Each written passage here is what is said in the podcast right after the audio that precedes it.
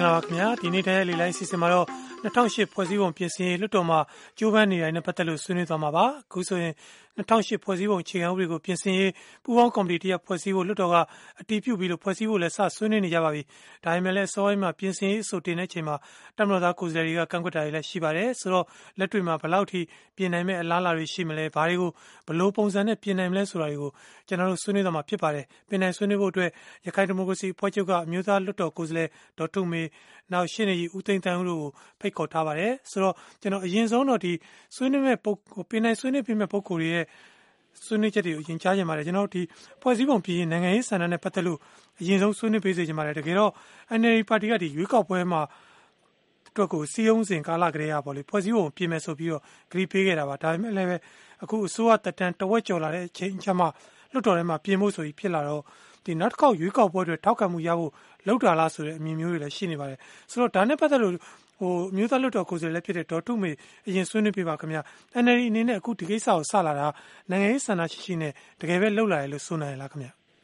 ဒါလည်းဖြစ်နိုင်ပါတယ်ရှင်။ဘာဖြစ်လို့လဲဆိုလို့ရှိရင်အဲပါတီများဒီရွေးကောက်ပွဲကြောင့်တော်တော်မနေရအများဆုံးရဖို့အတွက်ပြင်ဆင်ကြရမှာပါ။တော်တော်မနေရအများဆုံးရမှာလေအစိုးရကိုဖွဲ့စည်းနိုင်မယ်စစ်တော်ကိုနေပြီးဥဆောင်နိုင်မှာဖြစ်ပါတယ်။ဒါလည်းတခြားဖြစ်ပါဖြစ်နိုင်ပါတယ်။ဒါပေမဲ့ကျွန်မအနေနဲ့ကြလို့ရှိရင်တော့ဒီပေါ်မှာ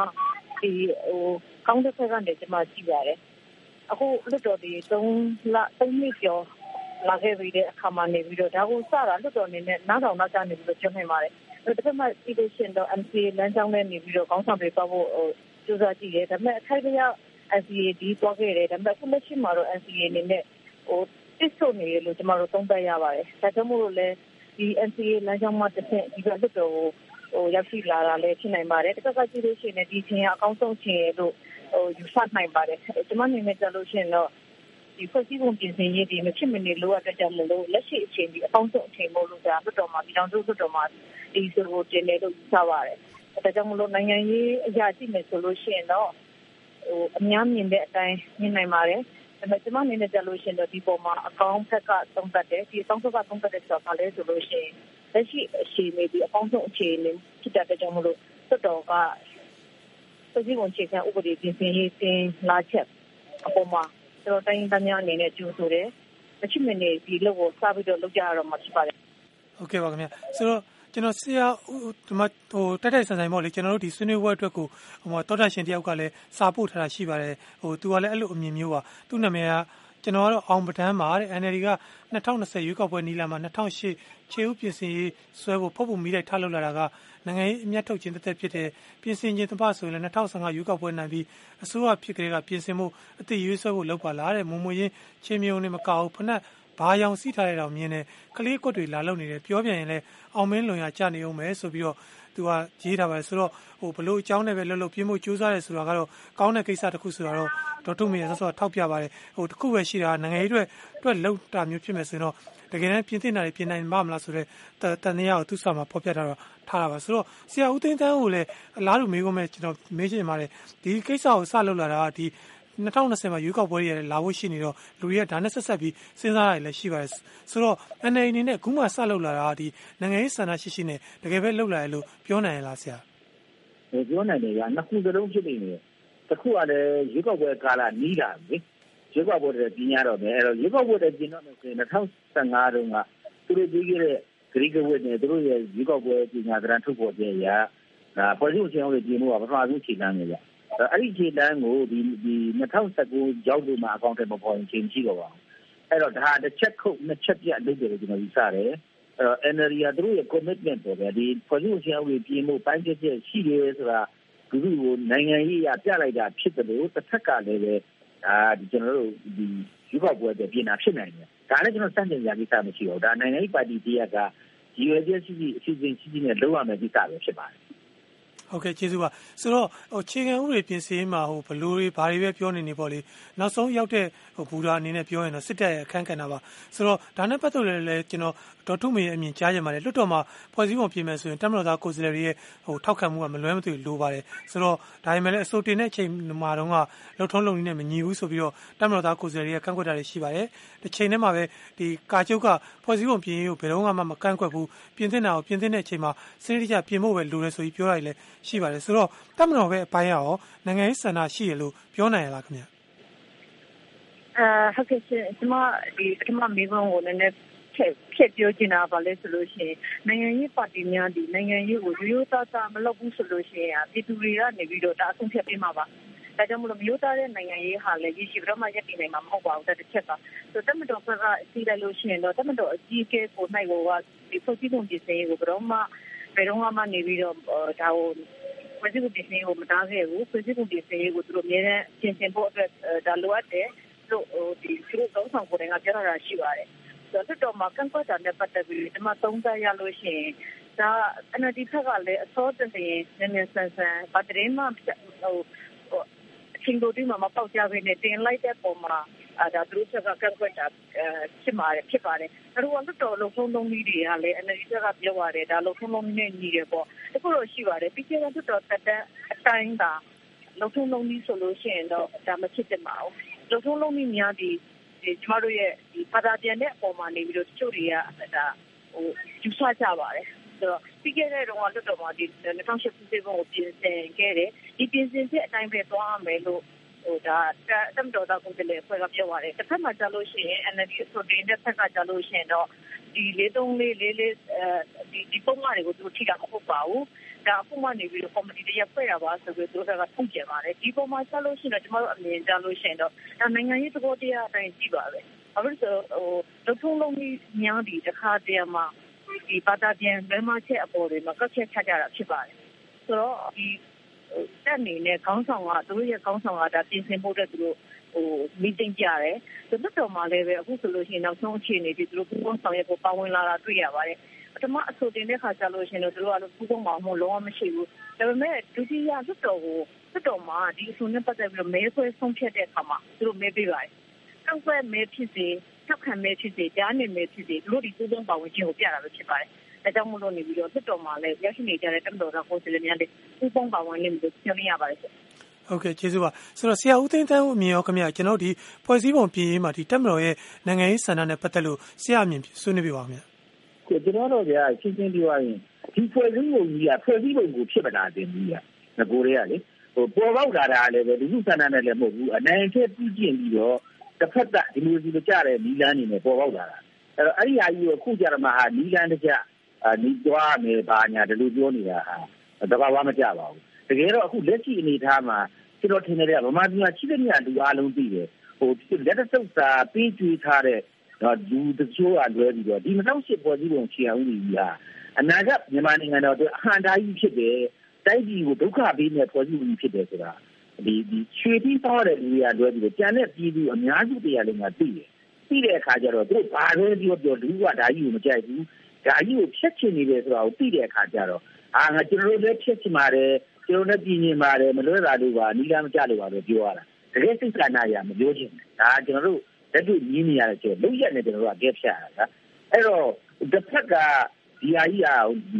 ဒီပေါ်မှာလုံထုံးနီးလားမကြဘူးတော့နှစ်ตาရကိုကြည့်ရဖွဲ့စည်းဖို့ချေအောင်ဒီပြင်မှုလိုတယ်ဆိုရင်တကယ်တော့ကျွန်တော်တို့တကယ်သွားတဲ့လမ်းကြောင်းကပင်လုံမှာသွားနေတာပင်လုံမှာအလုံးမဖြစ်ဘူးရှေ့ဆက်တိုးလို့ကိုမရဘူးတကယ်လုံးနေနဲ့ရှေ့ဆက်သွားလို့မရအောင်ပိတ်ဆို့နေတဲ့အတွက် NLD ကဒီဘက်က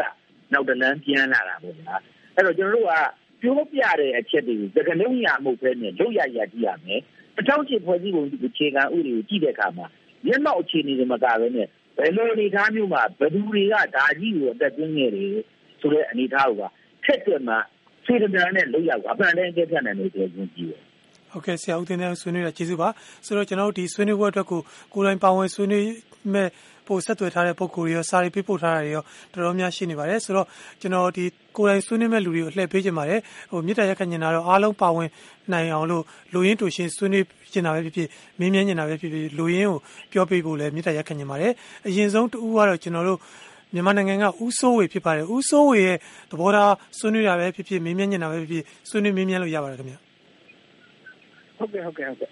ကျေးဇူးပါတယ်ဟုတ်ကဲ့ကျွန်တော်တို့ရခိုင်ဒါတွေမှာအစိမ့်စိမ့်ပြောတဲ့စကားတစ်ခုရှိတယ်ဗျ ဇာတိနဲ့ချော့ချော့တကယ်အိတ်ဖို့အရေးကြီးတယ်တဲ့ဗျ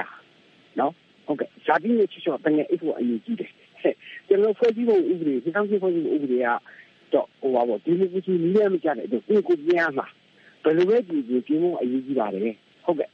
ဒါပါပဲဟုတ်ကဲ့ဦးစိုးဝေဆွေးနွေးရကျေးဇူးပါနောက်တူကတော့ကျွန်တော်တို့ကနေဒါနိုင်ငံကဦးညွန့်လာဖြစ်ပါတယ်ဦးညွန့်လာလည်းဆွေးနွေးလို့ရပါတယ်ခင်ဗျာဟုတ်ကဲ့ခင်ဗျာ2008ဖွဲ့စည်းပုံပြင်ဆင်ရေးနဲ့ပတ်သက်လို့လွတ်တော်ကနေ ပြင်ဆင်နိုင်ဖို့နိုင်ငံရေးကြိုးပမ်းမှုအနေနဲ့စီစဉ်ဆောင်ရွက်မှုတွေအားလုံးကလုံးဝအောင်မြင်နိုင်လိမ့်မည်မဟုတ်ပါဘူး။ဒါ NLD ၃နှစ်ကြာပြီးမှစီစဉ်လာရင်နိုင်ငံရေးကစားကွက်တစ်ခုကိုဒါနီးပြူဝတစ်ခုဖြစ်အသုံးနာတာဖြစ်တယ်လို့ယုံကြည်ပါတယ်။နော်ဒါကြောင့်မလို့ဒီလောက်ရကလည်းအချိန်ကုန်နဲ့လူကုန်ငွေပန်းနဲ့လူကုန်လူတွေပင်မနဲ့ဆင်းနေတာသွားနိုင်ပါတယ်။ဒါကြောင့်မလို့ဒီကာကြုံမင်းအောင်လိုင်ကလည်း2008 ခြေဦးကိုအသက်နဲ့လည်းကာကွယ်မယ်လို့ဆိုထားတာကြောင့်စစ်တပ်ရဲ့သဘောထားကလည်းအရင်တော့အခုအချိန်ထိရောတစုံတရာဘာမှပြောင်းလဲခြင်းတာမရှိသေးတဲ့ကိုအထင်ရှားတွေ့နိုင်ပါကြားကိုမြဲကျွေးလို့မရပါဘူးကြားကြားပါပဲကြားကိုမြဲစားတင်မယ်ဆိုရင်ကြားစားပဲခံရမှာဒါကြောင့်မလို့ NLD ဆိုရရဲ့စံတော်ဝါစနစ်နဲ့ဖားပိုင်းငါးပိုင်းပုံစံမျိုးနဲ့တိုင်းပြည်ထူထောင်ရေးအမျိုးသားပြန်လည်တည်မြဲဖက်ဒရယ်နိုင်ငံတည်ဆောက်ရေးဆိုတာ2008ခြေဦးအောက်ကနေတွားလို့လုံးဝလုံးဝမဖြစ်နိုင်ပါဘူး တကယ်လို့မှာက2008ခြေဦးကိုဖျက်သိမ်းပြီးအတိပြန်လဲရေးဆွဲရမှာလားဖြစ်ပါတယ်ဒါကိုပြည်သူလူထုအားကိုအသုံးချပြီးတတိရှိရှိပြပြသားသားရင်ဆိုင်ကြော်လွှားမှာဖြစ်ပါတယ်စစ်တပ်ကအာဏာပြန်သိမ်းမယ်ဆိုတဲ့အကြောင်းပြရမှာလို့ပါဘူးစစ်တပ်ကအာဏာကိုထိန်းထားပြီးသားပါမတူကြပါဘူးဆရာနာရှောက်ကတိုင်းပြည်လွတ်မြောက်ဖို့ဆိုရင် NLD ဆိုရရဲ့နေပြည်တော်မဟာပြည်တော်တွေအတိတ်တွေချမှတ်ပြီးတော့စနစ်တရပြင်ဆင်တည်ဆောက်ပြီးပြည်သူအားနဲ့ဆရာနာရှောက်ကလွတ်ရမှာလွတ်မြောက်လာလမ်းကို ဆောင်ရွက်နိုင်မှာဖြစ်ပါတယ်ပြည်သူအားဒီတာအရာရာကိုပြောင်းလဲနိုင်ပါတယ်လို့ယုံကြည်ပါတယ်ဟုတ်ကျေးဇူးတင်ပါတယ်ဟုတ်ကဲ့ဦးညွန့်လာဆွေးနွေးပြတဲ့ကျေးဇူးပါနောက်တူကတော့ကျွန်တော်မြန်မာနိုင်ငံကကိုတန်းမောင်ဖြစ်ပါတယ်ကိုတန်းမောင်သဘောထားဆွေးနွေးလို့ရပါတယ်ခင်ဗျာဟုတ်ကဲ့ကိုကြီးမြန်မာပြည်မှာဥပဒေကရှိပြီးသားပါအင်္ဂလိပ်ဘက်ကလည်းရှိပြီးသားဗိုလ်ချုပ်လက်ထက်ကလည်းရှိပြီးသားဦးနေဝင်လက်ထက်ကလည်းဒီ2008ဆိုတာကဟိုကျွန်တော်ကအင်္ဂလိပ်အောက်ထဲနဲ့ထွက်လာတယ်မဟုတ်2008ကသူတို့လိုဆွဲပြီးယူထားတာပါ တော့တော့ဆူတော့လည်း အမေသူတို့ကလည်း ပြောထားတယ်ဆယ်ကြီးကိုပြင်မယ် ပြင်မယ်ဆိုတော့စတက်တဲ့ကောက်ကို ဘာမှလုပ်လို့မရဘူး ရခိုင်ရေးလုပ်လိုက်ခဏတွေတိုင်းသားစစ်တွေလုပ်လိုက် မလုံးမလုံးနိုင်အောင် မလုံးရှားနိုင်အောင် သူလုပ်ထားတာ။တော့ဘယ်လိုကျင်းကြလဲဆိုတော့သူလည်းတောင်းတော်ထဲမှာလည်းတချို့လည်းဟာလာစိတ်တော်သားကောင်းတဲ့ လူတွေလည်း ရှိကြပါတယ်။ခုလိုဖယ်ဒီပေါ်မှာ သူတို့ လူကြီးစန့်စန့်မစန့်စလူနေတာ မနေတာ ရခိုင်နဲ့ဒီတမတော်ဆိုတာလေဒါတစ်ဖွဲ့တည်းပါပဲ။ပေါင်းတော့ပါဝေးတာအခုကအားလုံးပြည်သူလူထုတည်ထားတဲ့ပုံကူတွေကဒါပြင်မယ်ပြောတယ်သူတို့နဲ့ battery case ပါပြင်ပေးကြပါလို့မေတ္တာရက်ခံပါဟုတ်ကဲ့ဟုတ်ကဲ့ကိုတမ်းမောင်ဆွေးနွေးရကျေးဇူးပါနောက်တူကတော့ထိုင်းနိုင်ငံကကိုတီးလည်မှုဖြစ်ပါတယ်ကိုတီးလည်မှုလည်းဆွေးနွေးလို့ရပါတယ်ခင်ဗျာဟုတ်ကဲ့ခင်ဗျကျွန်တော်အနေနဲ့ကျွန်တော်ရဲ့အရှိမပြောတဲ့လူအားလုံးရဲ့သဘောထားကိုကျွန်တော်အနေနဲ့ကြိုးစားပါတယ်ခင်ဗျ ဘာဖြစ်လဲဆိုရင်ဆောက်စစ်ချီကန်ဥရိယနဲ့ချက်ရှိပါတယ်ခင်ဗျပြင်ဆင်မလားတော့အတိတ်ရေးဆောက်မလားအဲ့ဒီချက်အဓိကလှုပ်ဆောင်ဖို့လိုပါတယ်ခင်ဗျကျွန်တော်တို့တော့ဘယ်မှာပြည်သူတွေကနော်အဖိနှိတ်ခံဘဝကိုရောက်နေတာနှစ်ပေါင်းများစွာကြာနေပါပြီနော်ဘိုးချုပ်မင်းအောင်လည်းပြောခဲ့ပါတယ်နော်ကျွန်တော်တို့နော်သူတို့ကဒီလိုဖက်တီအုပ်ချေအောင်ဥတွေကိုမပြင်ပါဘူးမပြည့်ပါဘူးဆိုတာမပြောပါဘူးပြင်မယ်လို့ပြောပါတယ်ဘယ်တော့ပြင်မလဲအဲ့ဒါကိုချက်ကျွန်တော်တို့ကသိနေချင်ပါတယ်ခင်ဗျဘာလို့လဲဆိုရင်ကျွန်တော်တို့ပြည်သူတွေကိုလက်သားနာနော် အခုလည်းလက်သားနောက်လည်းလက်သားအောင်မယ်လို့ကျွန်တော်မြင်တယ်ဟုတ်ကဲ့ကိုသီးလည်းမှုဆွေးနွေးရကျေးဇူးပါကျွန်တော်နောက်ထပ်ဒီတလက်စာတွေပဲဒီစာဆောင်လည်းပေါ်ပြခြင်းပါတယ်သူကတော့မိထီလာမျိုးကဥစိန်မောင်ရဲ့စာပါမတ်ဆုမွန်ဖတ်ပြပေးပါဦးခင်ဗျ2008ခုနှစ်ဖွဲ့စည်းပုံကိုအသစ်ရေးဆွဲတာပြင်ဆင်တာကို တပ်မတော်ကဆက်စပ်ထိမခံ အပြင်းထန် ကန့်ကွက်တဲ့ အခြေအနေကနေ အခုအခါမှာ ပြင်ဆင်တာကို လက်ခံနိုင်တယ်။သို့သော် ၂၀၀၈ ဖွဲ့စည်းပုံပါ လုပ်ထုံးလုပ်နည်းအရသာ ပြင်ဆင်ဆောင်ရွက်ရမယ်လို့ တပ်မတော်ရဲ့ သဘောထားကို ထုတ်ဖော်လာပါတယ်။တပ်မတော်သား ကိုယ်စားလှယ်တွေက လွှတ်တော်အတွင်းမှာ ကန့်ကွက်တယ်ဆိုတော့ တကယ်တော့ ၂၀၀၈ ဖွဲ့စည်းပုံပါ လုပ်ထုံးလုပ်နည်းအတိုင်း ဆောင်ရွက်ဖို့ တောင်းဆိုတာသာ ဖြစ်မယ်။ပြင်ဆင်ရေးကို သဘောမတူတာ မဟုတ်ဘူးလို့ သိရပါတယ်။ဒါဟာ ပြောင်းလဲလာတဲ့ တိုးတက်မှုတခုပါ။ဒီအခြေအနေမျိုးရောက်အောင် အစိုးရနဲ့ တပ်မတော် ညှိနှိုင်းဆွေးနွေးမှုများရှိခဲ့လို့ သဘောတူညီချက်များရခဲ့လို့ ဒီအခြေအနေကို ဆောင်ရွက်နိုင်ခဲ့တယ်လို့ တွက်ဆလို့ရနိုင်မယ်ထင်ပါတယ်။ငြိမ်းချမ်းရေး တွေ့ဆုံဆွေးနွေးပွဲ ဖြစ်မြောက်ရေးနဲ့ ဒီမိုကရေစီ ဖက်ဒရယ်ပြည်ထောင်စု ဖြစ်ပေါ်လာရေး ကြိုးပမ်းမှုကို အဟန့်အတား ဖြစ်နေစေခဲ့တဲ့ ဒီဖွဲ့စည်းပုံကို ပြင်ကိုပြင်မှ ဖြစ်မယ်ဆိုတာ အစိုးရ၊တပ်မတော်၊တိုင်းရင်းသားအဖွဲ့အစည်းများနဲ့ ကမ္ဘာကပါ သဘောပေါက် လက်ခံထားတဲ့အတွက် တပ်မတော်အနေနဲ့ အပြစ်တင်ခံပြီး ဆန့်ကျင်လိမ့်မယ်လို့ မထင်ပါဘူး။ ပြင်ဆင်ရေးအတွက် လုပ်ထုံးလုပ်နည်းနဲ့ ပတ်သက်လို့ ၂၀၀၈ ဖွဲ့စည်းပုံပါ သတ်မှတ်ချက်အတိုင်း မဟုတ်သော်လည်း ဥပဒေကြောင်းအရ ပြည်သူ့လွှတ်တော်က လက်ခံနိုင်တဲ့ နည်းလမ်းနဲ့ လုပ်ဆောင်မှာဖြစ်လို့ နိုင်ငံတော်၏အတိုင်ပင်ခံပုဂ္ဂိုလ် ခန့်အပ်တဲ့ကိစ္စကလို အဆင်ပြေ ချောမွေ့နိုင်မယ်လို့ ထင်ပါတယ်။ကော်မရှင်ထဲမှာ တိုင်းရင်းသားအဖွဲ့အစည်းတို့ အပါအဝင် နိုင်ငံရေးအဖွဲ့အစည်းပေါင်းစုံတို့ရဲ့ ကိုယ်စားလှယ်တွေ၊တပ်မတော်ရဲ့ ကိုယ်စားလှယ်တွေကိုပါ ထည့်သွင်းဖွဲ့စည်းမယ်လို့ ကြားသိခြင်းအားဖြင့် All Inclusive ဘောင်အတွင်းက အားလုံးပါဝင် အကြံပြု ညှိနှိုင်းဆွေးနွေး ဆောင်ရွက်နိုင်မှာဖြစ်လို့ အချိန်အခါနဲ့ အခြေအနေအရ လိုက်လျောညီထွေဖြစ်မှာဖြစ်လို့ ဖွဲ့စည်းဆောင်ရွက်မှု အဆင်ပြေချောမွေ့လိမ့်မယ်လို့ ယူဆပါတယ်။နိုင်ငံအကျိုး၊ပြည်သူ့အကျိုးတို့အတွက် ပြည်သူ့ဆန္ဒနဲ့အညီ ဖြစ်စေဖို့ မေတ္တာစေတနာထားဆောင်ရွက်တာဖြစ်လို့ မေတ္တာစေတနာတန်ခိုးနဲ့ ဖွဲ့စည်းပုံ သံမဏိတံတိုင်းကြီးကို ထိုးဖောက်မှာဖြစ်လို့ အောင်မြင်ပါစေလို့ ဆုတောင်းဆွေးနွေးလိုက်ရပါတယ်လို့ ရေးထားပါတယ်ရှင်။ဟုတ်ကဲ့ ဒါကတော့ မိထီလာမျိုးကဥစိန်မောင်ရဲ့စာပါ သူကတော့ဒီဖွဲ့စည်းပုံပြင်ရေးတက်မတော်ဘက်က တစုံတရာ လိုက်ရောလာတယ်ဆိုတဲ့ အမြင်ရှိပါတယ် နောက်တစ်ခုကတော့ဒီဒေါအောင်ဆန်းစုကြည်ဒီနိုင်ငံတော်တိုင်ပင်ခံ တာဝန်ယူတာမျိုးလို့ဖွဲ့စည်းပုံကိုဟိုနီးနာပိုင်းအရဟိုကြော်လွှားတဲ့နိုင်တဲ့ ကိစ္စမျိုးကိုလည်း ထောက်ပြပါတယ် ဆိုတော့ ဒါနဲ့ပတ်သက်လို့ ဒေါ်ထုမေကိုကျွန်တော်ဆွေးနွေးစေချင်ပါတယ်ခင်ဗျာဒီဖွဲ့စည်းပုံပြင်ရေးမှာ ဒီလို ဥပဒေကြောင်းနဲ့ပေါ့လေကျွန်တော်တို့တကယ်အရေးကြီးတဲ့ ကိစ္စတွေ တကယ် ဒီမိုကရေစီ မဆန်မဲနဲ့ ဖြစ်နေတဲ့အပိုင်းတွေကိုကြော်လွှားနိုင်တဲ့အပိုင်းတွေရောဟိုဟိုဘယ်လောက်များရှိလဲခင်ဗျာအခုချိန်မှာဟိုလက်ရှိကျွန်တော်တို့ဖွဲ့စည်းပုံကမှန်တယ်လေ့လာကြည့်မယ်ဆိုလို့ရှိရင်ပြင်ဆင်ရတာအင်မတန်ခက်ပါမယ်အဓိကနေပြီးတော့436ပါပဲ436ကိုနေပြီးတော့80ငါးရာခိုင်နှုန်းကျော်ရမယ်ဆိုတာဘယ်လိုမှမဖြစ်နိုင်ပါဘူးဒါပေမဲ့မဖြစ်နိုင်ပေမဲ့လည်းဒါကြိုးစားမှာဖြစ်ပါတယ်ဒါကြောင့်မို့ဒီမှာအနေနဲ့ဒါကိုဆွေးနွေးမယ်ဆိုလို့ရှိရင်ပ ထမဆုံးဒီမိုကရေစီစံချိန်စံညွှန်းတဲ့ဖက်ဒရယ်ပြည်ထောင်စုကိုသွားဖို့ဆိုလို့ရှိရင်တော့တော်တော်ထဲမှာရောက်ရောက်ရှိနေကြတဲ့25ရာခိုင်နှုန်းအမှောက်ဆုံးဖြေလျှော့ရပါမယ်။ကျောင်းဝန်ကြီးဌာနတွေစိတ်ကအုပ်ချုပ်ရေးပဲကိစ္စကိုမပြောခင်မှာလွတ်တော်ဒီဒီမိုကရေစီမှာပြည်သူကရွေးချယ်ထားတဲ့ပုံစံတွေနဲ့ပဲလွတ်တော်ကိုဖွဲ့စည်းရမှာဖြစ်ပါတယ်။ဒါကြောင့်မလို့ကျွန်မအနေနဲ့ကတော့ဖြစ်မနေဆောင်ရွက်ရမယ့်အရာဒီ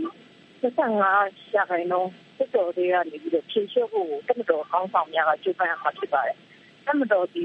ဒီဖွဲ့စည်းပုံအခြေခံဥပဒေပြင်ဆင်ရေးမှာအဓိကအကြဆုံးအဖွဲ့အစည်းအဓိကအကြဆုံးအခန့်ကဏ္ဍမှာနေပြီးတော့ပါဝင်နေပါတယ်ဒီအဓိကအခန့်ကဏ္ဍမှာပါဝင်နေတဲ့ပုဂ္ဂိုလ်များဒီဖြည့်ရှုမှုကိုဆောင်ရွက်ရမှာပါဘာလို့ဆိုတော့ကျွန်တော်တို့နိုင်ငံဒီနှစ်ပေါင်းများစွာဖိတ်နောက်ကျကျန်ခဲ့ပါပြီဒီဖိတ်နောက်ကျကျန်ခဲ့တဲ့သမိုင်းကိုရေးမယ်ဆိုလို့ရှိရင်တမတော်ကသမိုင်းစစ်ကိုရေးဖို့အတွက်ဒီချင်းအဖွင့်ရေးအောင်ဖြစ်ပါတယ်ဒါကြောင့်မလို့တမတော်အနေနဲ့ဒီချင်းကမှာအဖွင့်အကောင့်ကိုလက်လို့ပုံချုံမခံဘဲနဲ့ဒီအဖွင့်အကောင့်ကိုရယူလိုက်တာ တိုင်းယူလိုက်ပြီးတော့မတ်တော်မှာနေပြီး25ရာခိုင်နှုန်းဖြည့်လျှော့ပြီးလို့ရှိရင်ဒီ25ရာခိုင်နှုန်းဖြည့်လျှော့ပြီးတဲ့နောက်ပိုင်းမှာတော့85ရာခိုင်နှုန်းကျော်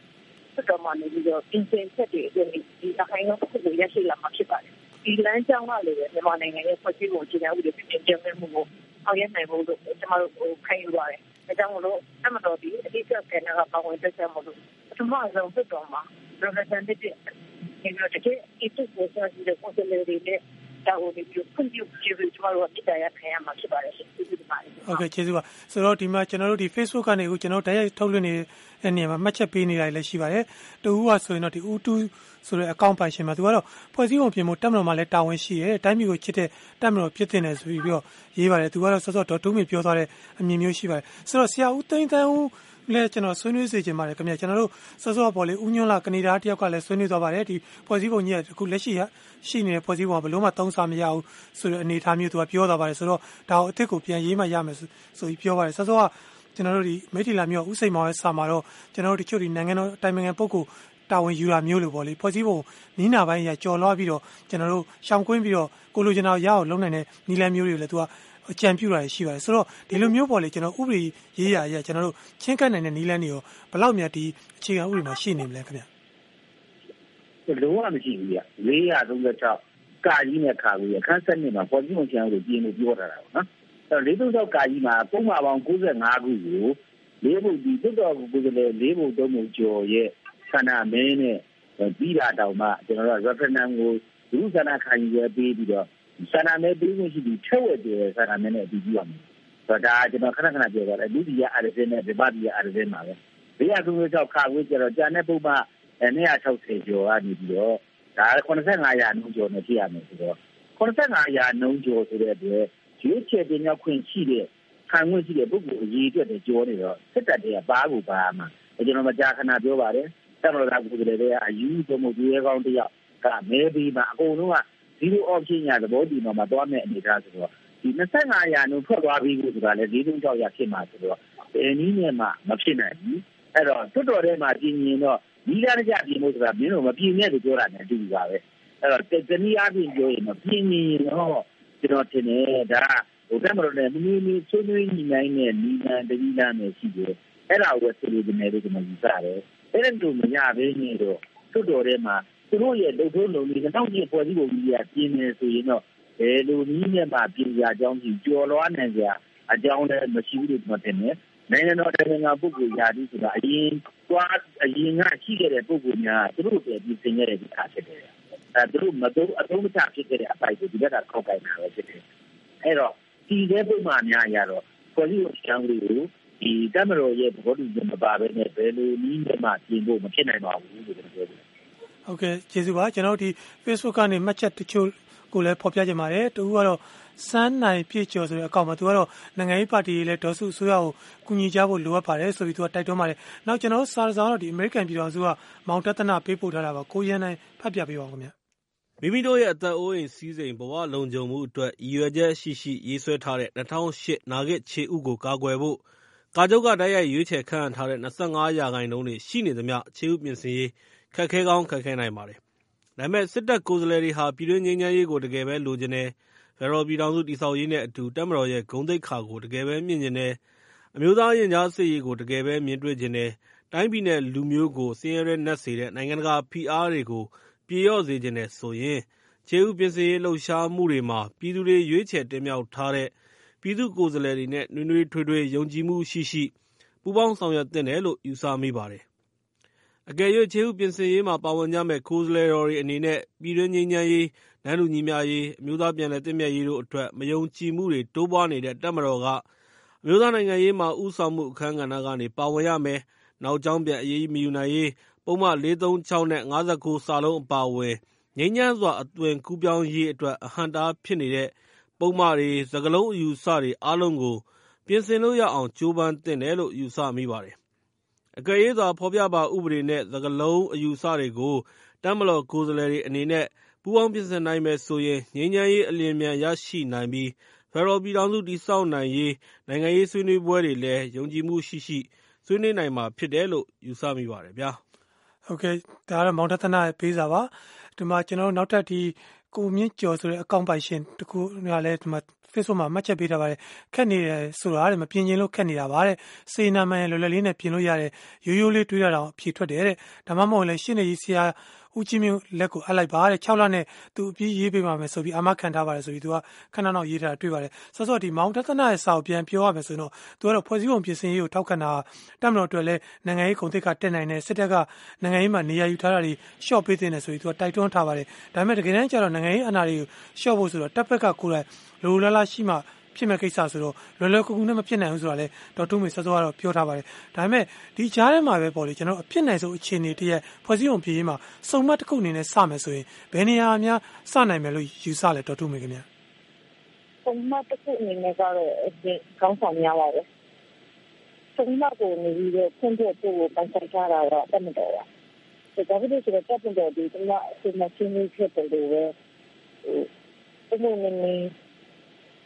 ကျမတို့ပြောရမယ်ဆိုလို့ရှိရင်တမတော်ဒီအတူအခန်းကဏ္ဍမှာရှိတယ်ဒီကိုယ်တိုင်ကလည်းဥမှုလို့ယူထားတယ်ဥမှုရပြီးတော့နိုင်ကြအကုန်လုံးကိုပိတ်ထားတယ်ဖြစ်နေပါတယ်ဒါကြောင့်မလို့နေပြီးတော့တကယ် key player ကတမတော်ဖြစ်ပါတယ်ဒုတိယတစ်ကတော့လက်ရှိနေပြီးတော့မြန်မာနိုင်ငံမှာအများဆုံးအနိုင်ရပါပြီးဖြစ်ပါတယ် MLB ကောင်းဆောင်နဲ့ပြီးတော့ဒီတမတော်ကောင်းဆောင်တွေတကယ်နိုင်ငံကောင်းစားရေးအတွက်ရှင်းပြရပါတယ် ဆွေးနွေးကြတဲ့အခါမှာလည်းအဲ့ဒီဘက်ကဖြည့်ရှင်းမှုတွေလုပ်ရပါမယ်။ဘာဖြစ်လို့လဲဆိုတော့အကျန်းကိုတင်းလို့ပါ။အကျန်းကိုတင်းတဲ့ဘက်ကဖြည့်ရှင်းမှုလုံးဝပါလို့ကျန်တဲ့ကျိုးတွေဖြည့်ရှင်းမှာဖြစ်ပါတယ်။ဒါတစ်ခုကတိုင်းဒေသများရဲ့ကောင်းဆောင်များရဲ့အခမ်းအနားဖြစ်ပါတယ်။တိုင်းဒေသများရဲ့ဒီလိုလိုလားချက်ပြီးစိတ်ကြီးပုံပြင်ဆင်ရေးတဲ့မှာအကျုံးဝင်ပါတယ်။ဒါပေမဲ့တိုင်းဒေသများရဲ့ဒဏ်ညဉ့်မှုကိုတိုင်းဒေသများရဲ့ပုံစံချက်ဖတ်တဲ့ကိုအမခံဖြစ်ပြီးနိုင်တဲ့စိတ်ကြီးပုံကိုပြင်ဆင်ရပါမယ်။ဒီနေ့ပြင်ဆင်တဲ့အခါမှာလည်းကျွန်တော်တို့ဒီ တက်မတော်ကောင်းဆောင်လက်ရှိအနိုင်ရပတ်ကောင်းဆောင်တိုင်းသားများရဲ့ကောင်းဆောင်များကျွန်တော်တို့ဝယ်ကမ်းမှာနိုင်ငံရေးဆက်ဆံမလို့ရှင်းပြရပါမယ်ရှင်းပြမှပါနေပြီးတော့အခြေချက်မှဖြစ်ပါတယ်ဒါကြောင့်မို့တကယ်တော့ဒီပွဲမှာဖွဲ့စည်းပုံပြင်ဆင်ရေးပွဲမှာကင်းပလေရတာတတ်မှတ်ဖြစ်ပါတယ်အမှန်ဆိုတမတော်တော့တော့ပြင်မှနေတည်းရဲ့အကြောင်းကိုခက်ခဲနေတာမှာဒီအရင်ကိုခက်ခဲနေတဲ့အရာကို ဒီချိန်မှာနေပြီးဒီ right time မှာဒီခွင့်ရတဲ့တမတော်အနေနဲ့အခွင့်ကောင်းကြီးကြီးစပါတယ်ဒါမှသာနိုင်ငံကောင်းကြီးအတွက်တမတော်ကောင်းဒီကလေးစားတဲ့တမတော်ဖြစ်မှာပါဒီအခွင့်အရေးကိုအမိရဆက်ပေါ်မှုတွေကျွန်တော်တို့တော့အားပေးရမှာပါဒါကြောင့်မလို့အထူးကဒီပလေယာနေဒီတမတော်ဖြစ်ပါတယ်ဒါတမတော်အနေနဲ့ဖြည့်ရှင်းမှတာမျိုးတွေနိုင်ငံပြည်ကြောင်းလေးကိုရမယ်ဒီတွေကလည်းမြောက်ဟောတယ်ညီငယ်ကြီးကိုစတင်နိုင်တယ်။တိုင်းနိုင်ငံနှစ်ပေါင်းများစွာနှစ်ပေါင်း70ကျော်လိုလာလာတဲ့ဒီ လွတ်လပ်ရေးရပြီးကြတဲ့ပုံကျင်းနေတဲ့ဒီတော်စုဒီစစ်မှန်တဲ့ဒီတော်စုဒါမှသာဖြစ်ပေါ်လာမှာပါ။အထရှိတဲ့ဒီကုန်းတွေစစ်မှန်တဲ့ဆက်တွေလည်းမပြောနိုင်ဘူး။စစ်မှန်တဲ့ဒီတော်စုကိုလည်းဒီဆောင်မှာမဟုတ်ဘူး။ဒီတော်စုဒီအောက်ချမှာပဲစကလုံးကလာတာကတော့ရှင်းပါပါ။လက်တွေ့ကြည့်လိုက်ပါဒီဒီသိနေနေတာကစစ်စစ်ဝင်စစ်စစ်ကိုအဟုတ်ကဲ့ခင်ဗျာ ဟုတ်ကဲ့အစီအစဉ်တော့ဟုတ်ကဲ့ဒေါ်ထုမေကျွန်တော်တို့ဆွေးနွေးပွဲအချိန်တလောက်ပဲရတဲ့အတွက်ဒီနေရာမှာပဲရောက်ခွင့်ပြုပါခင်ဗျာပြင်နိုင်ဆွေးနွေးပြတဲ့မြို့သားလွတ်တော်ကိုယ်စားဒေါ်ထုမေလူခွင့်ရှင်းနေဦးသိန်းတန်းကိုလိုင်းပါဝင်ဆွေးနွေးရတဲ့သူတွေမှတ်ချက်တွေရေးသားပေးပို့သူတွေနဲ့တောတာရှင်တွေအားလုံးထူးကျေးဇူးတင်ပါတယ်ခင်ဗျာ